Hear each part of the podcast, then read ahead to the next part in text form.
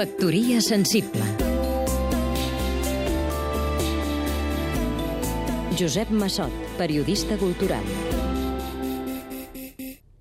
Escriptors de totes les èpoques diuen que a partir dels 30 anys comencem a deixar de llegir novel·les i preferim els llibres d'història o de memòries.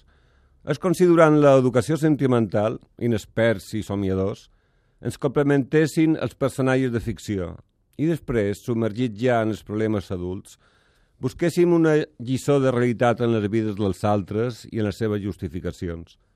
L'ideal seria sumar la saviesa que dona l'experiència, viscuda o llegida, en la força renovadora que dona la imaginació. Els llibres de memòries ens ensenyen que la bellesa mental, no la física, arriba quan un se sent fora de la seva època i remuga com un gos ple de pusses en qualsevol novetat. Ara vivim canvis profuns i els qui segueixen presoners voluntaris en un castell anacrònic que s'ensorra no s'adonen que va ser la imaginació d'Orwell, que per cert sabia llegir bé la lliçó de la història, que ha acabat explicant de manera més realista el món que venia. Parlo dels polítics.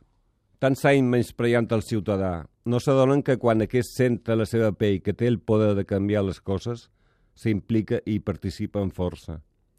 I després, el polític destronat, que no va entendre que en un litigi, quan cap de les dues parts té prou forces per imposar-se a l'altra, la victòria és el pacte.